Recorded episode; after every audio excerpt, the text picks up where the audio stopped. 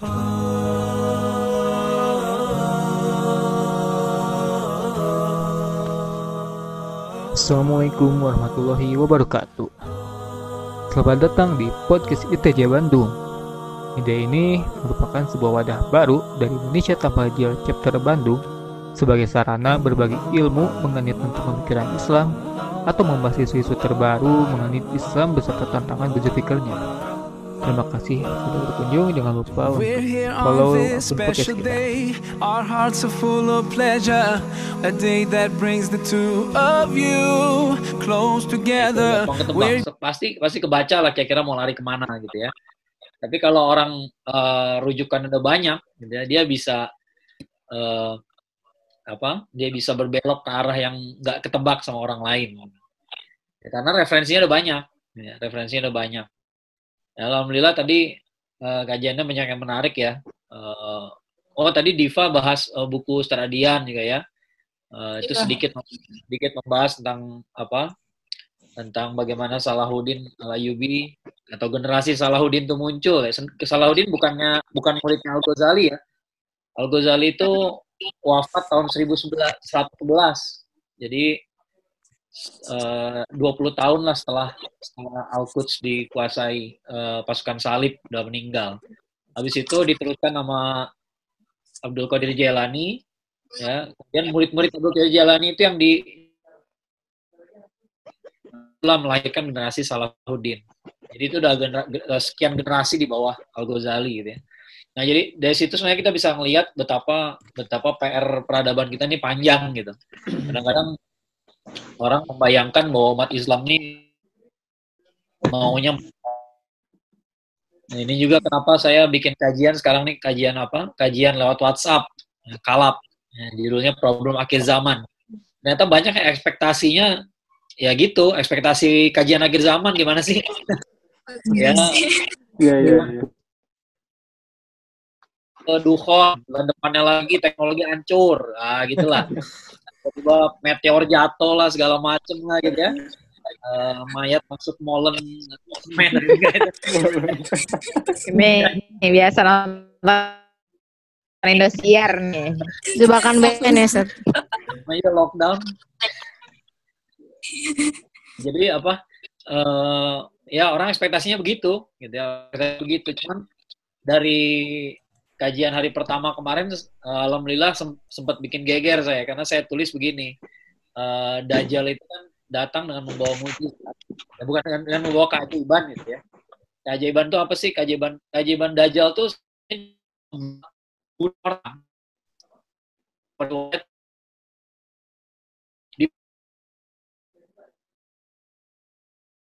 dipanggil kali orang itu bisa hidup lagi. Terus ketawa ketiwi aja gitu ya. Nah kalau di yang punya mungkin orang mati itu Nabi Isa alaihissalam. Ya. Nah, sementara Nabi Isa alaihissalam dan Dajjal itu munculnya pada zaman yang sama. Ya. Dajjal dulu Imam Nabi Isa alaihissalam gitu ya. Nah, kita bisa bayangkan bahwa uh, kalau ilmu ilmu kita nggak kuat, ya bisa jadi belum tentu loh kita bisa bedakan mana Nabi Isa mana, mana Dajjal. Ya. Dalam akan bahwa sebagian besar orang akan beriman sama Dajjal. Jangan kaget banyak di zaman yang malah menyesatkan kita di akhir zaman gitu. aneh. Hmm. Aneh. Sama sekali nggak aneh. Ya, memang di situlah dituntut ke ketajaman ilmu kita. Ya, di situ banyak yang komentar kaget ya, ya benar juga ya. Sementara Nabi Isa dan Dajjal itu gelarnya sama loh, sama-sama Al-Masih. Al-Masih Dajjal Ya, sama Al-Masih Isa hmm. ibnu Maryam sama. Isa ibnu Maryam. Jadi kalau kita kalau kita nggak kalau kita nggak punya pegangan yang kuat di akhir zaman tuh kita akan akan disorientasi ya disorientasi ya kacau balau. Apa patokan kita pada kebenaran? Misalnya keajaiban. Kalau patokan kita keajaiban maka jangan jangan kira kita akan jadi pengikutnya di Mas Kanjeng taat pribadi gitu. ya bisa ngeluarin duit belakang punggungnya gitu ya. Kan itu terjadi. Ya it happens gitu ya. Kalau kalau kita adalah omongan cuap-cuap atau narasi gitu. Ya banyak orang ikut Sunda Empire gitu kan. Sunda Empire kan luar biasa ngomongnya tinggi banget kan. Begitu diciduk diam-diam aja semua. Ya itulah. Jadi kalau kita ngelihat pada kekayaan ke apa ya ke megahan harta gitu ya mungkin kita akan jadi pengikut Lia Eden. Ya, jadi emang di akhir zaman tuh butuh ilmu bukan butuh uh, apa cerita-cerita lain-lain gitu dan satu hal yang saya sampaikan uh, di kaji, kajian kemarin ya. Bahas perang akhir zaman mulu gitu ya. Dahsyatnya perang akhir zaman. Persis ya. Nah, nggak kelihatan nih orang suka olahraga gitu. Nggak kelihatan nih orang latihan berantem ngapain gitu pukul-pukulin dinding gitu. Apa kayak gitu ya uh, gulat sama beruang gitu kayak Habib gitu ya misalnya gitu ya kalau nggak kelihatan kayak begitu itu yang namanya nggak jujur ya jadi yang namanya bohong itu ada berbagai berbagai macam uh, lapisan dalam arti saya mengatakan A padahal realitanya B itu bohong yang standar ya tapi ada juga bohong yang mengatakan bahwa uh, saya yakin A, realitanya benar A, tapi pada hakikatnya dia nggak meyakini A. Jujur juga. Atau dia bilang atau dia bilang saya yakin A, ya, saya yakin ini akan terjadi, tapi dia nggak berbuat apa-apa untuk mempersiapkan A. Itu juga nggak jujur. Ya, itu nggak jujur. Nah sekarang ini banyak orang nggak jujur. Ya orang bahas jihad jihad tapi nggak pergi jihad. Orang bahas perang akhir zaman tapi nggak siap-siap. Ya. Nah, kalau kalau terjadi yang kayak begitu ya apa ya itulah problem kita sekarang gitu. Nah, tadi juga bahkan di Tibian gitu ya. Namanya kedekatan itu diterjemahkan sama orang dengan berbagai macam cara yang sampai berkali-kali dalam sehari. Tapi kan nggak semua kayak begitu. Ada yang dari kecil berusaha uh, hafiz Quran, tapi para sahabat sendiri nggak begitu kan? Ya, para sahabat sendiri nggak begitu. Ya, jadi cara menafsirkan macam-macam. Ada ada ada uh, sahabat justru bilang mereka menghafalkan 10 ayat tidak menambahnya sebelum mempraktekannya. Itulah namanya tadabur. Bukan hanya sekedar menghafalkan, membaca, menelaah, tapi mempraktekkan, memikirkan, mempraktekkan, ya, mengejawantahkan. Nah, dan nanti nanti bersambung pada kata-kata Rasulullah SAW yang bahwa ahli ilmu ahli ibadah itu seperti bulan berbintang-bintang. Ahli ibadah tuh emang tapi bintang-bintang kecil. Ya, sementara ahli ilmu ibadahnya mungkin nggak terlalu aneh, sholatnya cuma sholat malamnya dua rakaat barangkali misalnya gitu nggak sampai delapan, nggak sampai sepanjang sepertiga malam, tapi ternyata nilainya bisa lebih berat. Ya. Nah, jadi kompetisi ini macam-macam orang-orang bisa berlomba-lomba dengan caranya sendiri gitu ya orang bisa berlomba-lomba dengan cara jadi penghafal yang tercepat itu absah saja boleh-boleh aja orang menjaga diri dengan menghatamkan Quran setiap hari bisa-bisa aja ya tapi ada ada lomba-lomba yang lain ada kompetisi yang lain gitu. Ya itu memang tergantung siapa kita tergantung uh, apa kelebihan kekurangan kita ya. Nah tadabur yang tadi itu bersambung juga dengan dengan masalah akhir zaman kita sekarang. Sekarang banyak orang bicara soal akhir zaman tapi nggak nggak mentadaburinya gitu loh. Ya mereka cuma jadi pendengar doang pendengar, pendengar. ya nggak nggak ada follow upnya sama sekali. Nah, malah malah uh, tidak adanya follow up itu jadi ciri-cirinya mereka jadi sekarang gitu ya ciri-cirinya mereka adalah nggak mau kuliah lagi nggak mau kerja lagi bikin bunker aja di rumah ya siap perak siap buat akhir zaman. Caranya gimana? Bikin desa sendiri bikin kompleks sendiri. Apa yang disiapin? Makanan perbekalan. Lah namanya perang. Emang butuh makanan doang. Ya teknologi ditinggalin. Kenapa? Karena nanti fase duhon habis semua teknologi. Ya jadi berlawanan sekali dengan dengan tujuan asalnya gitu loh. Rasulullah SAW kan cerita soal akhir zaman ini tujuannya supaya kita siap-siap. Ya. Tapi kenapa yang ikut kajian akhir zaman malah nggak ada persiapan? Ya malah terkenal karena ketidaksiapan. Gitu ya. Jadi lumayan lah. Uh, ya, jadi teman-teman kita nih membaca kita namanya baca bareng ya. Namanya baca bareng. Uh, kemajuan yang bagus banget. Tapi tapi jangan lupa bahwa ada fase-fase berikutnya gitu. Apa yang kita baca ini harus jadi harus harus mengubah siapa kita juga. Harus ada tindak lanjutnya ya. Dari dari satu buku mungkin kita nggak bisa nggak bisa apa ya nggak bisa praktekkan semua tapi ya jangan sampai semuanya nggak dipraktekkan. Ya harus adalah hmm. bekasnya pada pada pada diri kita gitu ya. Dan nanti kalau udah makin banyak yang dibaca makin banyak yang dibaca saya rasa rugi sekali kalau teman-teman nggak jadi penulis nggak jadi pembicara. Ya kita jadi jadi penulis bicara bukan karena ingin kelihatan pintar, tapi yang dicari berkahnya gitu. Ya berkah kalau kalau orang orang dapat dapat hidayah karena tulisan kita gitu kan, karena kata-kata kita itu yang yang dicari. Ya, saya rasa uh, ya sekali lagi uh, apa uh, kebiasaan baca bareng ini perlu banget ya di, dilanjutkan, tapi jangan lupa masih ada fase-fase yang lain ya masih ada masih ada PR-PR berikutnya masih ada uh, ya namanya PR PR peradaban sih nggak ada bisa-bisa juga sih ya nggak ada cukup-cukupnya juga. Nah mungkin itu loh dari dari saya ya.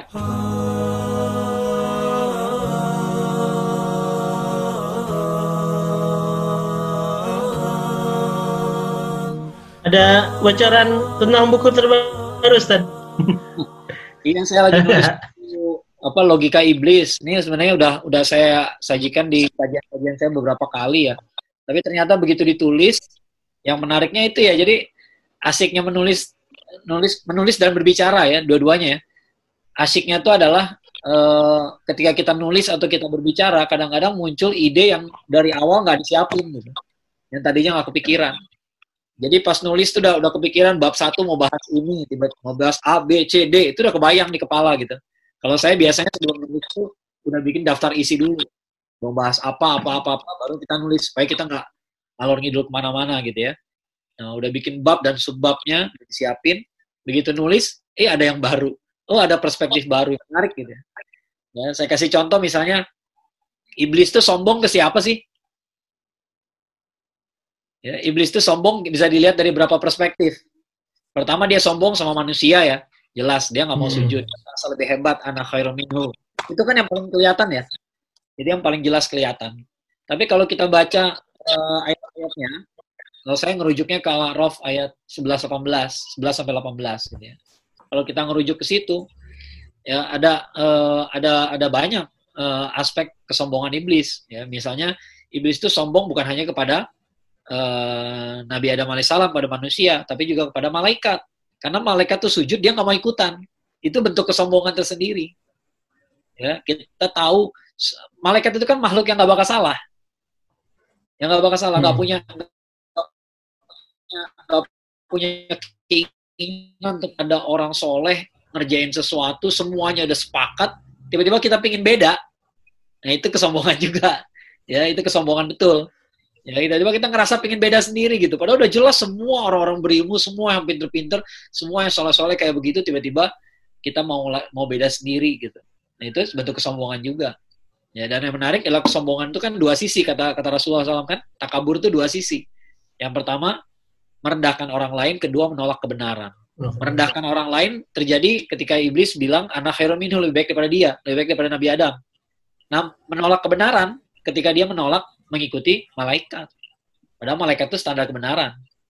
Ya kan kalau dikatakan majelis ini dinaungi malaikat berarti baik kan? Ya jadi malaikat itu standar kebenaran.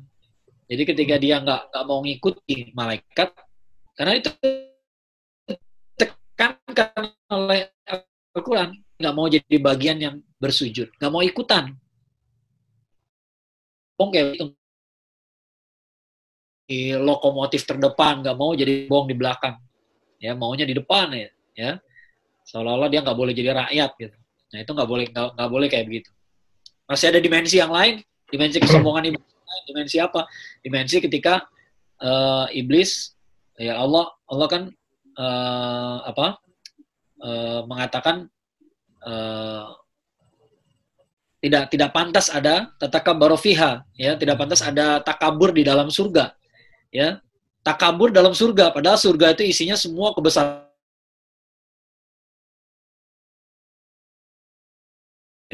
ngerti nggak ngerti sekitar gitu dia nggak lihat di sebelah kanan kirinya banyak profesor banyak doktor tapi dia rasa hebat sendiri itu culun banget gitu ya itu itu apa uh, sisi lain dari kesombongan iblis dan dan ketika iblis mengatakan apa uh, nanti engkau akan lihat gitu ya gak akan banyak di antara mereka yang bersyukur. Iblis ngerasa lebih pintar daripada Allah. Nah itu lebih dahsyat lagi.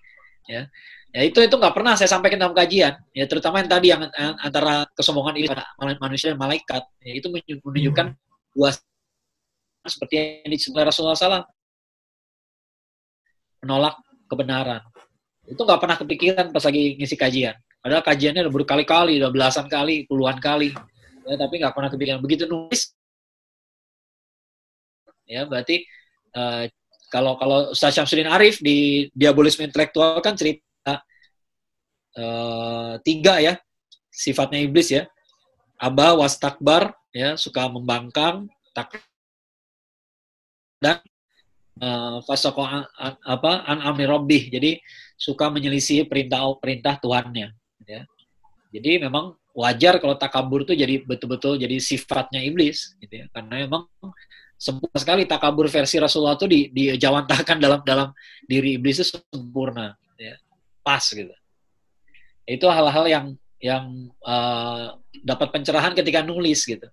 Ya dan dan itu salah satu yang asyiknya dari dari dari agama kita. Agama kita ini bisa ditelaah dengan cara berpikir yang sederhana sekali sampai cara berpikir yang rumit sekali dan kesimpulan akhirnya akan sama.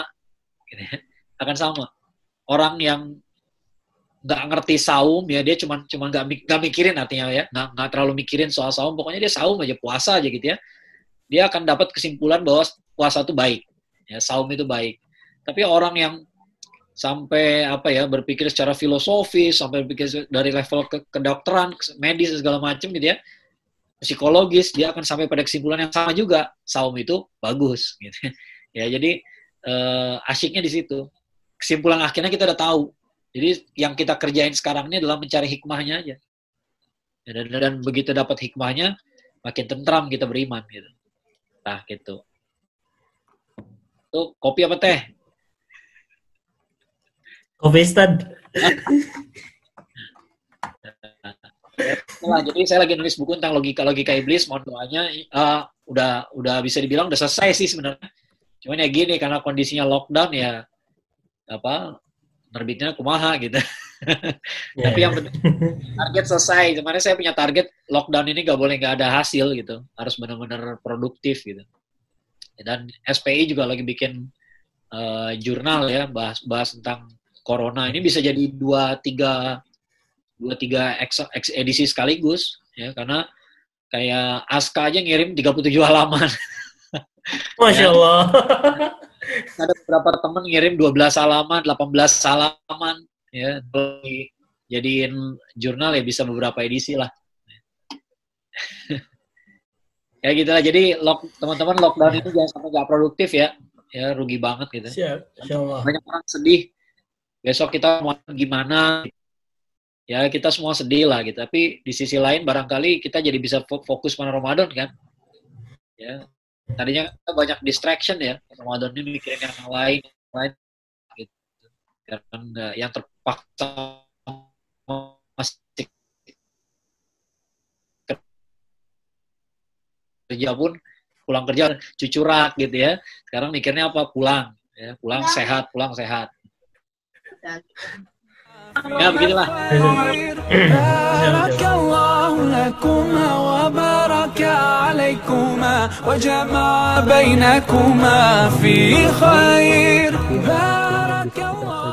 Pada podcast kali ini. Terima kasih sudah menyimak. Assalamualaikum warahmatullahi wabarakatuh. الطير.